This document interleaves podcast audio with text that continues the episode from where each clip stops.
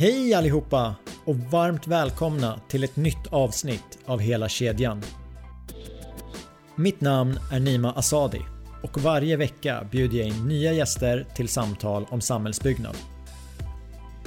Kontaktuppgifter till mig hittar ni på hela-kedjan.se.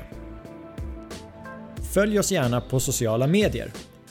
Där kan ni ta del av videomaterial och vara med och påverka innehållet i podden.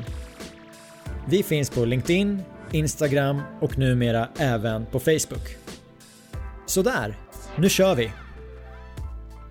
Min nästa gäst är arkitekt, teknologidoktor och professor. Under min tid på KTH hade jag äran att sitta och lyssna till hans föreläsningar och när det var dags för mig att skriva mitt examensarbete hade jag även turen att få ha honom som en av mina handledare. Vi pratar om hans bok Bygga stad eller bara stadsmässigt som består av kortare texter skrivna under en tioårsperiod. Vi pratar om reflektionerna i stort men fördjupar oss även i kapitlet med titeln Den vilda jakten på byggbar mark. Ett kapitel som känns väldigt aktuellt i dagens samhällsbyggande. Låt mig presentera Örjan Wikfors.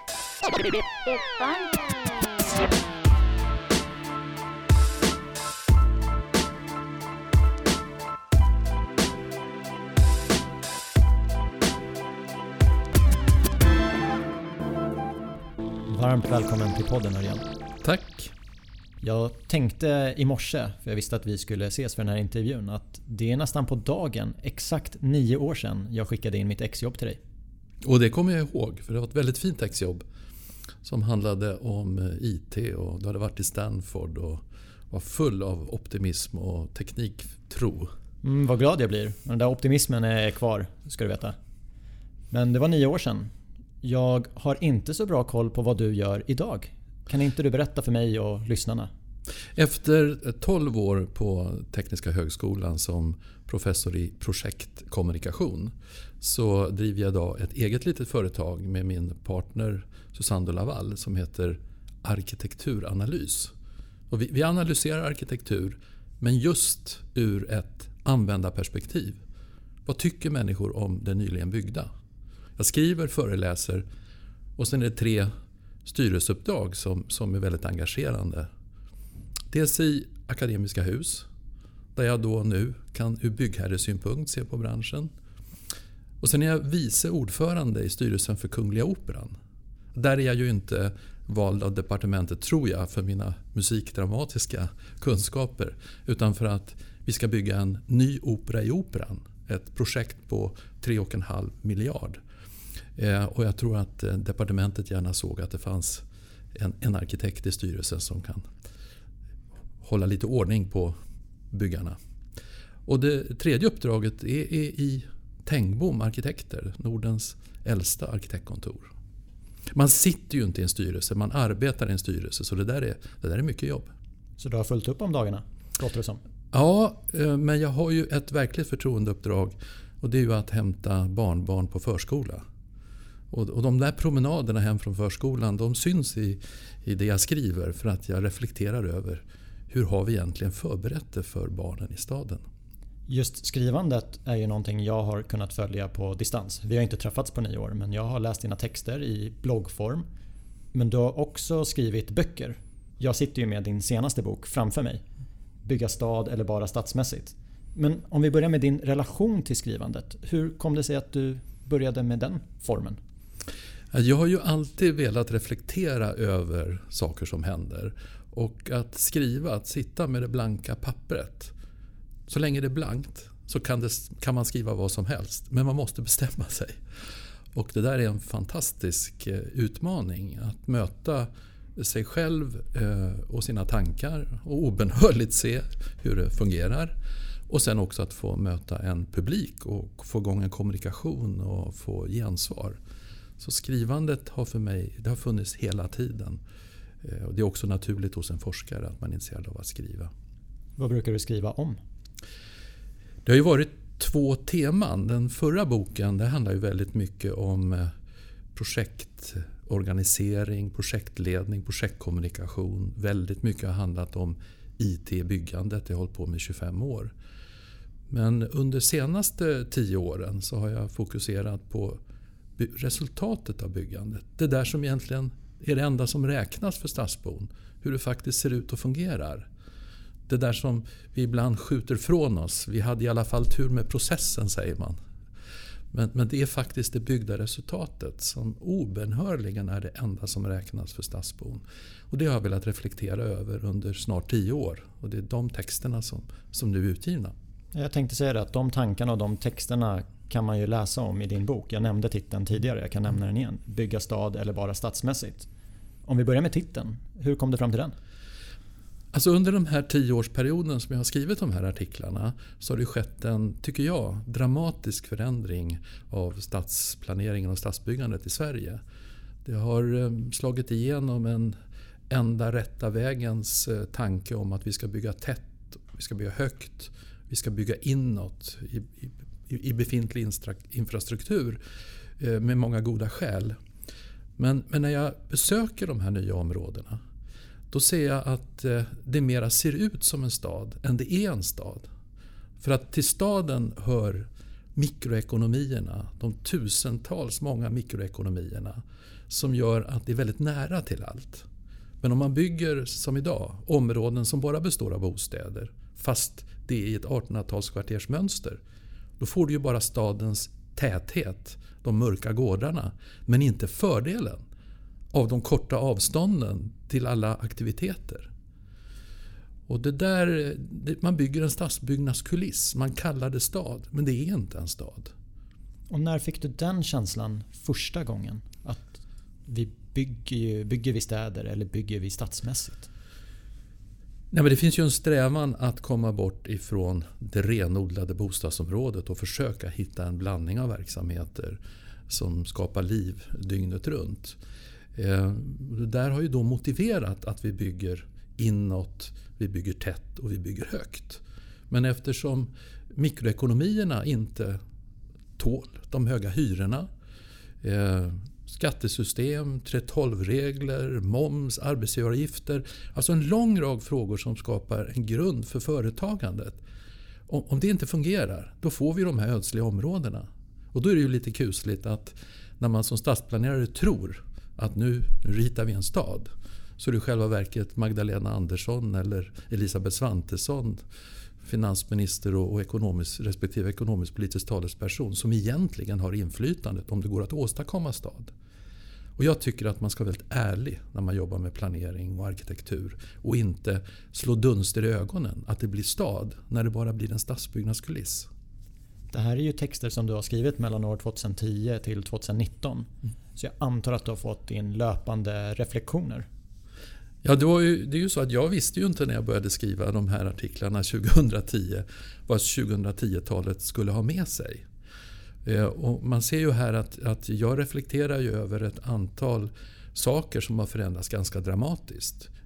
Inte minst att vi har tillåtit oss att bygga tätt och högt så att det till och med har blivit trångt. Att vi bygger bort eh, allmänna platser, parker, skolgårdar och så vidare. Jag reflekterar också över det här att man naggar medborgardeltagandet i kanten för man vill ha högre effektivitet.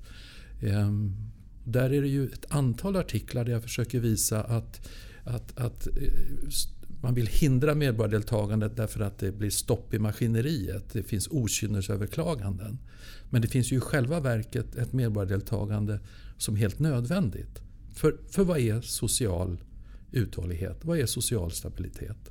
Jo, det är att människor som bor i ett kvarter, i ett område, en stadsdel älskar sin stadsdel och värnar den och bryr sig om varandra. Om det då kommer ett förslag till kraftig förändring då är det ju ett hälsotecken att människor först börjar småprata med varandra. Vad händer utanför köksgardinen? Sen börjar de mullra, sen börjar det ett dån och protester. Det är ju i själva verket det som är social uthållighet. Och då när många inom bygg och inte minst inom politiken säger att det där är ju besvärligt. Det hindrar ju oss från att snabbt lösa bostadsfrågan. Då är risken att de kastar ut en otroligt viktig mekanism i demokratin. Så det har jag skrivit ett antal artiklar om. Jag har också skrivit om den här vilda jakten på byggbar mark. hur, hur, hur, hårt kan man egentligen exploatera innan det blir, blir, blir trångt? Och hur ärlig måste man inte vara när man utlovar någonting fint men sen har svårt, svårt att förverkliga det ekonomiskt? Då uppstår ett trovärdighetsproblem. Jag tar också upp frågan om byggforskningen. En, en byggforskning i allmänhetens tjänst, den har vi inte i Sverige. Men vi skulle behöva en forskning som granskar det byggda ur stadsbon, allmänhetens perspektiv och som är en positiv nagel i ögat på oss som jobbar med planering och byggande och se till att det verkligen blir bra. En slags consumer critical research som kritiskt granskar och för in kunskaper om vad som funkar och inte funkar. Den här boken den innehåller ju de här texterna eller artiklarna som du kallar dem. De är ju inte publicerade i kronologisk ordning i den här boken utan du har kapitelindelat det. Hur kom du fram till eh, titel på kapitel? Och var det en tanke från första början, 2010 när du satt nej, nej, absolut inte. Utan det är ju efter att skrivit ungefär 150 texter under den här tiden så, så kom den här idén upp att eh, se om eh, det fanns ett sammanhang mellan de här artiklarna som skulle kunna bli en, en i bästa fall intressant helhet. Dels för mig själv. Jag kunde ju plötsligt summera reflektioner under tio år. Där jag som sagt inte visste i början vad som skulle ske. Så jag, det var under ganska lång tid som jag printade ut artiklar, la upp på bordet, sorterade fram och tillbaka. Och kunde göra det här urvalet av ett 40-tal artiklar och, eh, under, sex, under de här sex temana. Inför det här samtalet så har jag fått välja vilket kapitel vi ska fokusera lite extra på. Och jag valde ju kapitlet som heter Den vilda jakten på byggbar mark. Kan du berätta om eh, kapitlet? Vad skriver de? Alltså huvudfrågan inom planering och byggande idag det är ju att få tillgång till mark att bygga och inte minst bostäder eftersom det finns ett sånt otroligt stort behov. Och eh, Jakten på byggbar mark det, det illustrerar ett, säga, ett, ett klassiskt dilemma.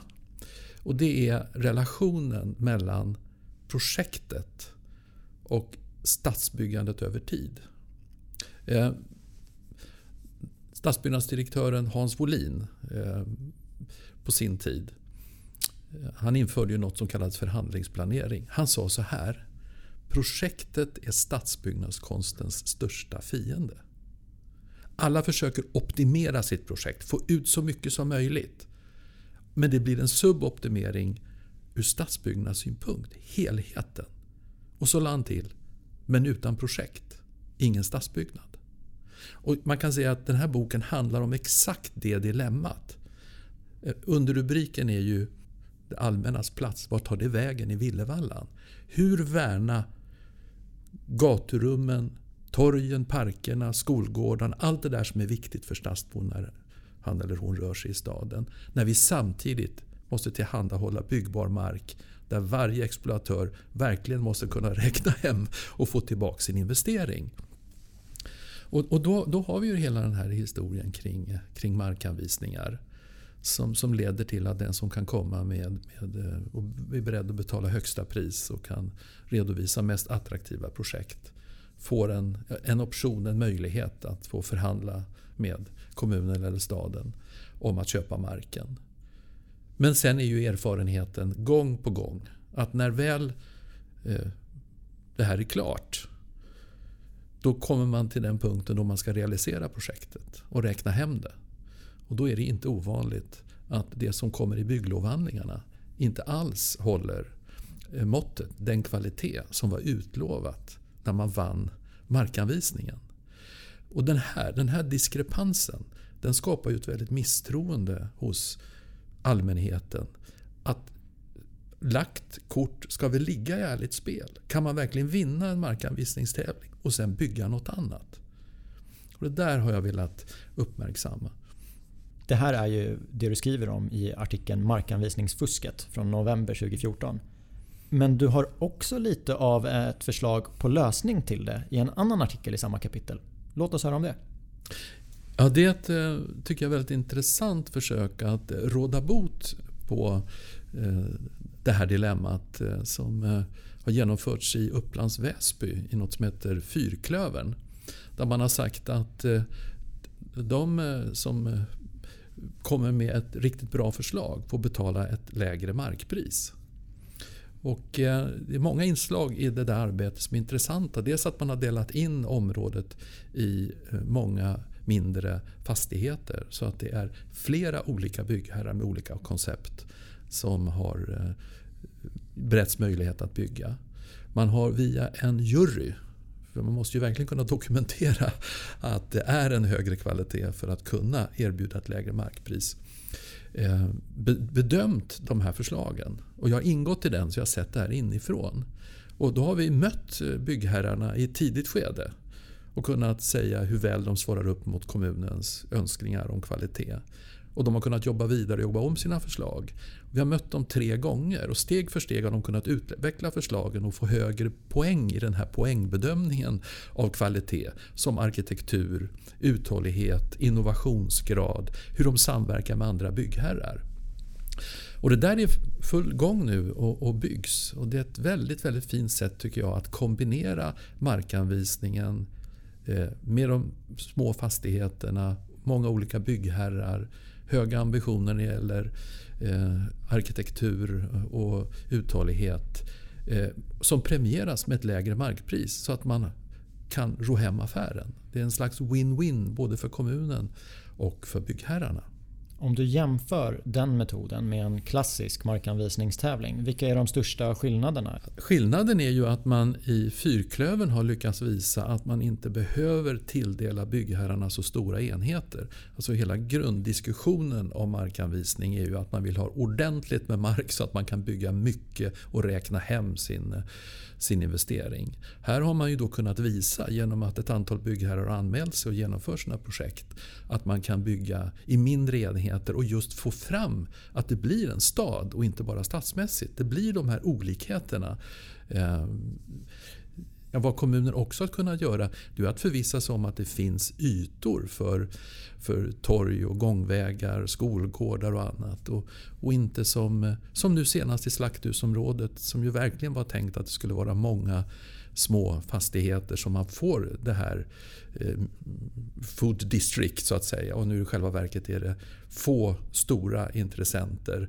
Det är hård exploatering, mörka ytor och det är alldeles för lite när det gäller skolgårdar och förskolor. Det vet man redan nu. Eh, så att tyvärr fortsätter ju det här, det här storskaliga som inte ger den här riktig stad. Du berättade att i en klassisk markanvisningstävling så kan man visa upp ett förslag som vinner och så mm. genomför man någonting annat.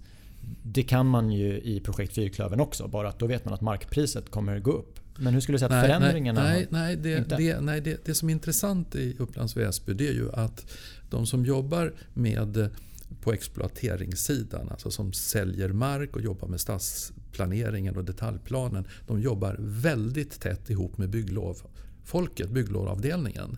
Så att den där, den där gapet, det där eh, gapet mellan stadsplanering och bygglov, det har man övervunnit. Du, du, måste, du får inte bygglov om det inte uppfyller vad som är utsagt i, i, den här, eh, i, i stadsplanen och i dina förslag.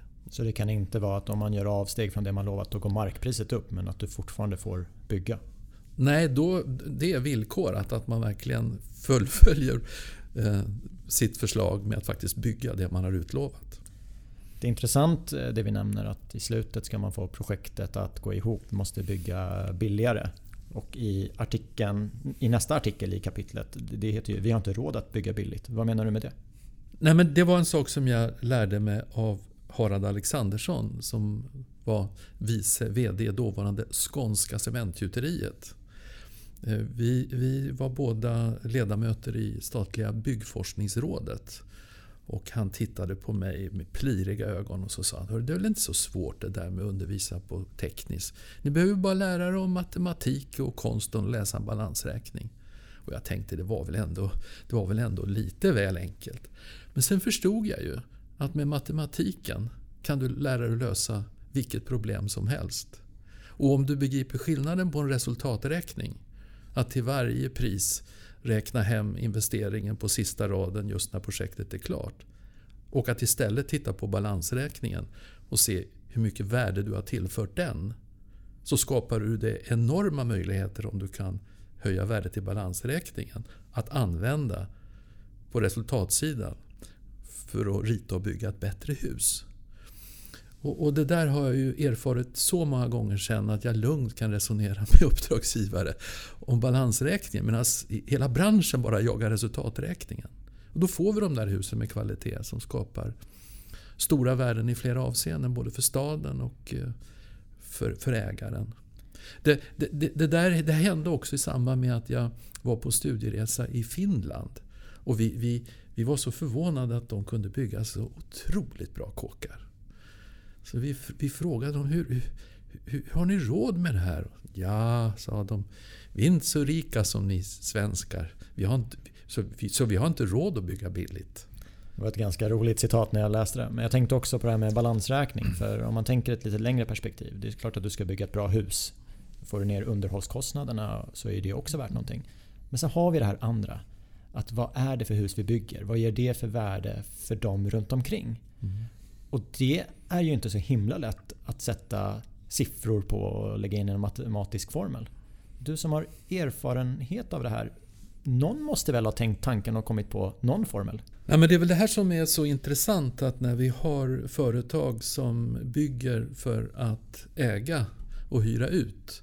Och, och rekordet är ju SKB som är evighetsförvaltare. De har varit verksamma i hundra år tror jag och inte sålt en enda fastighet. Vi har ju ett antal klassiska byggherrar som väljer att bygga för att äga. Och de gör på ett sätt. Men sen har vi exit-folket. Det är kapitalet som söker den stad eller det land där räntegapet är som mest fördelaktigt för att under en kort period genomföra stora exploateringar, se till att det är fullt uthyrt, sälja och försvinna. Och det här är två helt olika typer av parter. För till exempel för en kommun att umgås med. Och jag tror att man måste, man måste... Man får inte vara naiv här. När man då vill tillmötesgå exploatören, investeraren, för att få projekt så att staden växer. För det här är väldigt, två väldigt olika typer av intressen. Och, och, där, och då menar jag att då krävs det en stark företrädare för det allmänna. Det krävs det är bra med ett starkt stadsbyggnadskontor. Eh, därför att då får projekten slipas, möta ett motstånd och slipas. Någon måste se till stadens bästa för stadsbon på lång sikt. En kombination av eh, processen man använde i Fyrklövern mm. kombinerat med ett hundraårigt minst förvaltningsperspektiv. Då, då får vi riktigt bra produkter. Ja. Ett citat jag ofta hört är att byggbranschen borde kolla mot bilindustrin. Det är så vi ska bli mer produktiva och bygga bättre. Och du har en artikel med texten om hus vore bilar. Men det är inte som jag trodde. Nej, vi hade ett eh, jättefin doktorsavhandling som just handlade om det här och då lärde jag mig att det fanns en Henry Ford of Housing för hundra år sedan. Så det här med att försöka bygga industriellt det är ju absolut ingenting nytt. Det är någonting man har försökt under hundra år. Ändå har det inte större omfattning än det har idag. Och, Det är ju lite märkligt när man försöker jämföra ett husbygge med ett bilbygge. En bil kan du sätta ner var som helst i världen på körbanan. Men om du ska sätta ett hus på marken så är det garanterat olika förhållanden precis överallt. Och själva grejen med arkitektur och byggande det är ju just hur du placerar huset på marken. Så du tar hänsyn till vatten, luft, sol, eh, den, omgivningen etc. Mycket av konsten är att kunna ställa in ett hus i naturen utan att förstöra naturen.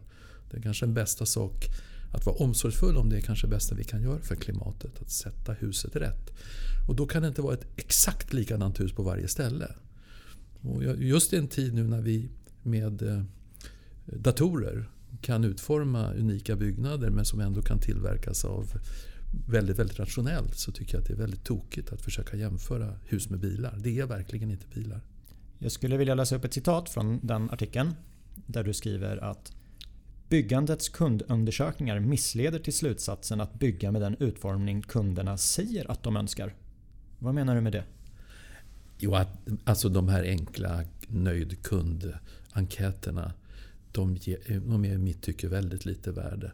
För design, det är ju så retfullt att bra design ligger strax före, framför kundönskemålet. Alltså, vi vet inte vilken god design vi kan få, alltså kan vi inte efterfråga den. Ibland har jag tänkt på det när det kommer nya bilmodeller. Att man tänker, men vad är det här för någon krångelform? Och sen efter ett halvår så är, suktar man som sjutton efter den där modellen. Och Det betyder att ska vi ha en utveckling av arkitektur och byggande då ska ju egentligen varje projekt komma med något, åtminstone, no, vi brukar säga, åtminstone en sak som är ny. Det är då man får en framåtrörelse. Och då, då, då, man ska förstå kundönskemålen när det gäller användbarhet. Hur man lever sitt liv och så vidare. Men när det gäller formen, då måste man kunna få uttrycka ny form hela tiden för att föra samhället framåt. Men det här citatet är ju tillämpbart även i one of a kind-projekt. Ja, absolut. Är vi för dåliga på design i branschen? På våga? Ja, eh, alltså om jag tittar på den bostadsproduktion som har varit under den här tioårsperioden så, så är det ju, det är väldigt slarvigt. Det är dåliga planlösningar. Det är icke-autentiska fasader med påklistrat låtsastegel etc. Det, det, det, är egentligen bara ett, en lek med grafiskt mönster det enda som återstår på de här byggsatserna. Och det, det, är absolut inte tillräckligt eh, bra.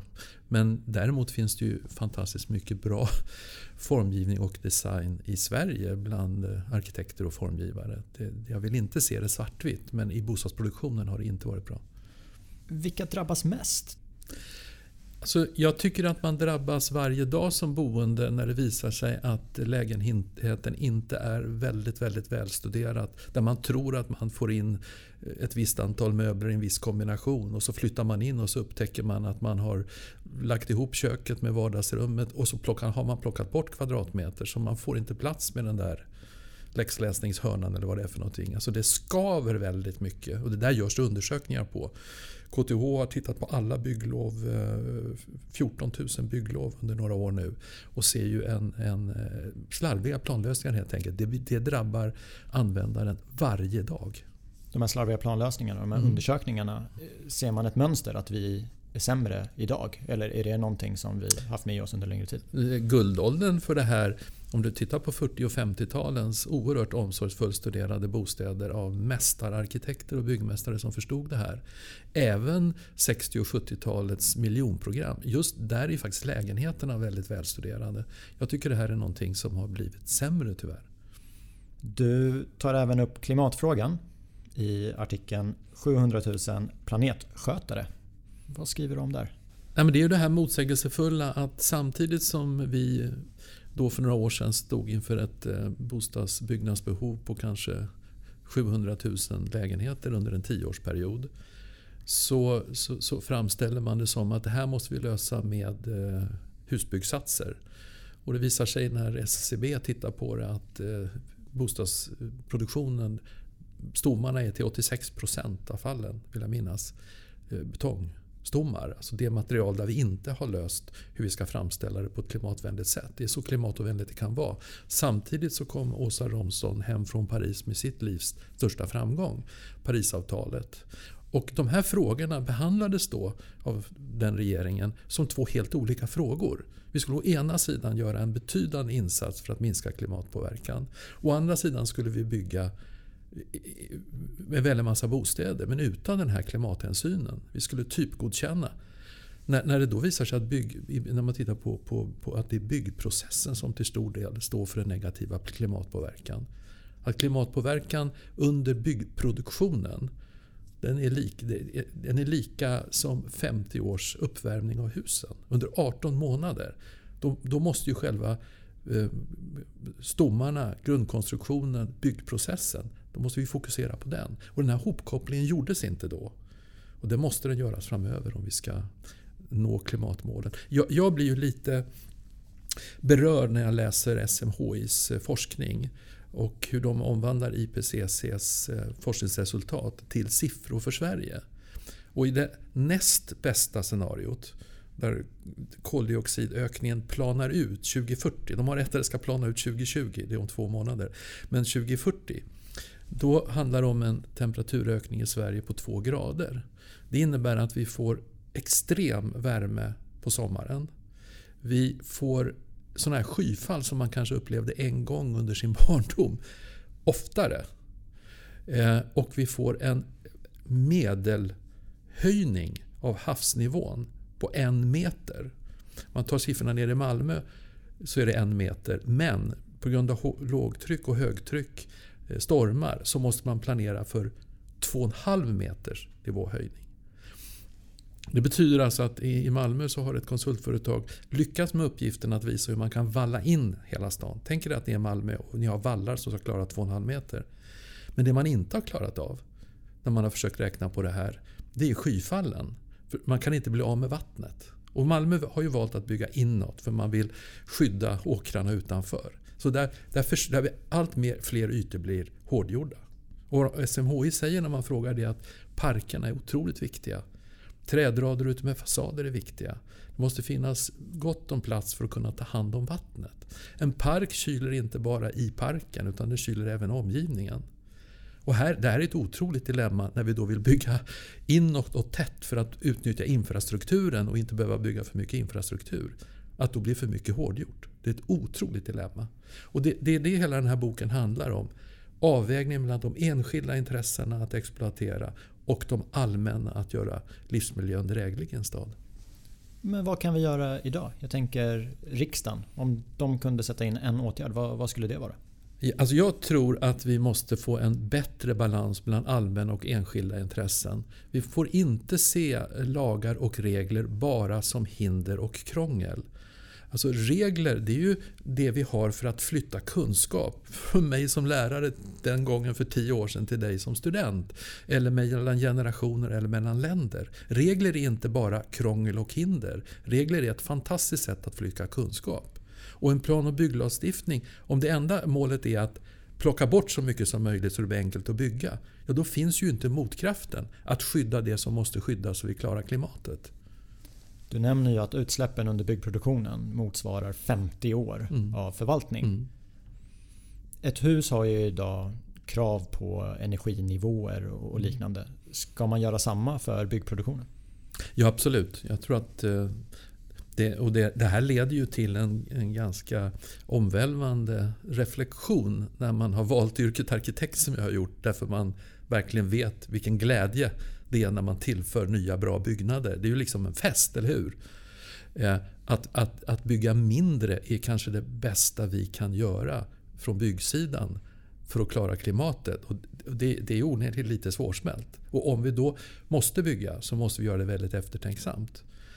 Så om man ska spå så tror jag faktiskt att, att eh, samla mycket data om hur byggnader används. Där tror jag verkligen på big data. Jag har ett exempel från Aalto-universitetet i Finland där det visar sig att lokalerna användes bara 25% av tiden. Och det ledde till att eh, de flyttade samman, de krympte ner, de lärde sig att utnyttja lokalerna effektivare, sålde av, eh, utnyttjade gamla lokaler för nya ändamål. De tillförde också nytt för att få det här krympta lokalprogrammet att fungera. Så det fanns ju en, en positiv eh, kraft där, att det verkligen blev bra. Och, och, och det betyder Nima, att då måste man kunna gå in i ett 70-tals kåk va? med såna gröna och bruna färger och neonrör. som man säger. men oj vilka möjligheter det finns att göra något fint här. Alltså vi måste ha en synvända och försöka se befintliga stommar, hur de kan användas framöver. Det absolut bästa exemplet tycker jag nu är SEB-huset vid Sergels torg. Där Vasakronan har gjort en väldigt, väldigt fin bevarande av en 70-talsstruktur. Eh, och till och med när man har gjort om fasaden har man gjort om fasaden av element från den gamla fasaden. Det är ett exempel på att det största fiaskot skulle vara att riva. Fastighetsägarna kan börja samla data om hur fastigheterna används. Riksdagen kan besluta om utsläppsnivåer under byggproduktion. Mm, mm. Vad kan man göra på kommunal nivå? Jag tror att man ska gaska upp sig och verkligen eh, se sig själv som en, en, eh, en eh, konstruktiv motpart till exploatören. Och det här är ju inte lätt att säga i en tid när alla pratar om samarbete. Och om jag uttrycker mig så här istället. Man ska samarbeta men med respekt för varandras roller. Man har olika intressen att företräda. Men idag är det som att alla är en enda stor familj, det finns inga intressemotsättningar, vi löser allting tillsammans. Men det är helt enkelt inte korrekt. Det är olika intressen. Och bara att ta hand om de allmänna intressena är ju också motsägelsefullt, för många av dem står ju i strid med varandra. Strandskyddet till exempel, som är otroligt viktigt men samtidigt är det de enda attraktiva tomterna för många kommuner. Så att det finns hela tiden de här, de här dilemmorna och då menar jag att då behöver vi snarare ha en, en stark, välfungerande stads, stadsbyggnadskontor på kommunerna än att de liksom bara ska serva sina kunder som det heter nu med snabba planer och så lite krångel som möjligt. När jag tänker lite snabbt så känner jag att rollen som stadsarkitekt kan ju vara väldigt viktig i det här arbetet. Och där har du en artikel, Stadsarkitekt utan rätt att bestämma. Ja. Det är inte Nej, men det var, jag läste annonsen för, för stadsarkitekt, ny stadsarkitekt i Stockholm. Det är alltså ungefär i min värld det finaste som finns. Men så stod det att den här stadsarkitekten skulle mera vara en koordinator och, och, och skulle jobba i projektform, fäste jag mig för. Men projektform, det är, ju, det, är ju, det är ju en tillfällig organisation som när som helst kan avbrytas.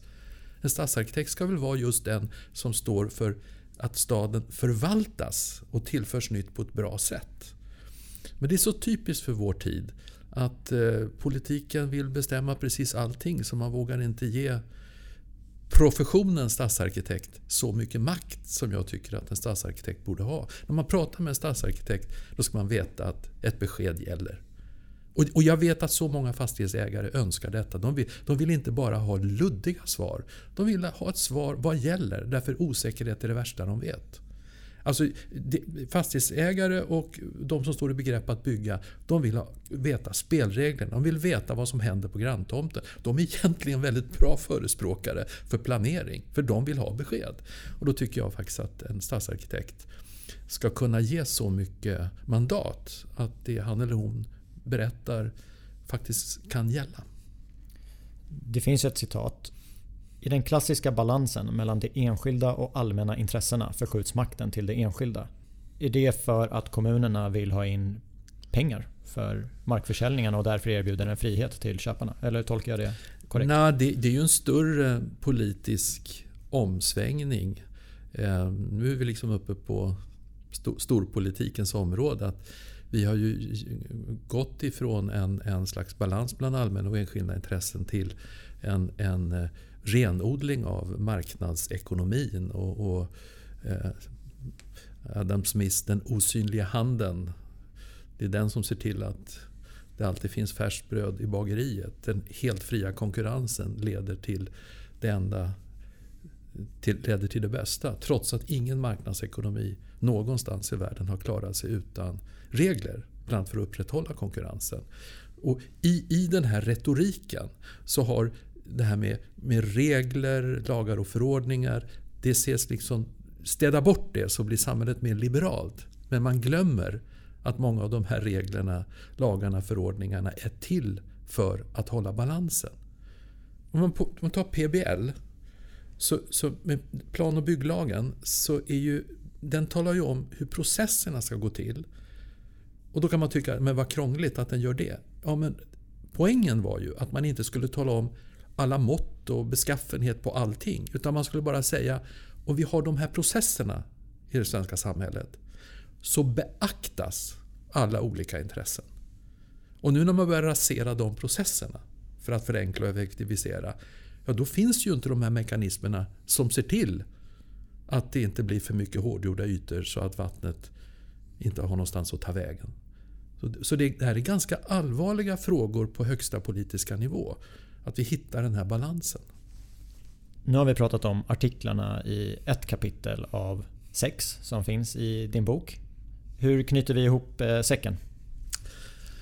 Ja, alltså det finns ju en eh, förändring under den här tioårsperioden som jag har skrivit. Och det är att eh, intresset för arkitektur och stadsplanering, eller gestaltad livsmiljö man brukar säga ibland, har ju växt enormt. Ibland är det så att jag nästan tycker att man har blivit över hövan bönhörd. Eh, men det där är någonting väldigt positivt. Det här äkta intresset för arkitektur och stadsbyggnad. Och jag, jag, jag, tänker på den här rörelsen som finns ute i världen nu inom den internationella arkitektorganisationen UJA. Där man har en arbetsgrupp för Architecture and Children. Där människor från 50 länder träffas och utbyter idéer om hur man eh, öppnar barnens ögon för sin närmaste omgivning. Alltså man utvecklar arkitekturpedagogiker över hela världen. Och det där har för mig, det där är någonting ganska fantastiskt. Att det finns ett äkta intresse för staden, rummet, de allmänna platserna och att människor från så många länder möts och delar just det intresset. Det tycker jag ändå är, är hoppfullt för framtiden att det helt enkelt kan vara så att från medborgarna så kommer inte bara önskemål utan krav på att stader ska vara välfungerande och vackra. Spännande. Det finns hopp. Tack för att du gästade podden Örjan. Tack så mycket. Det var väldigt roligt.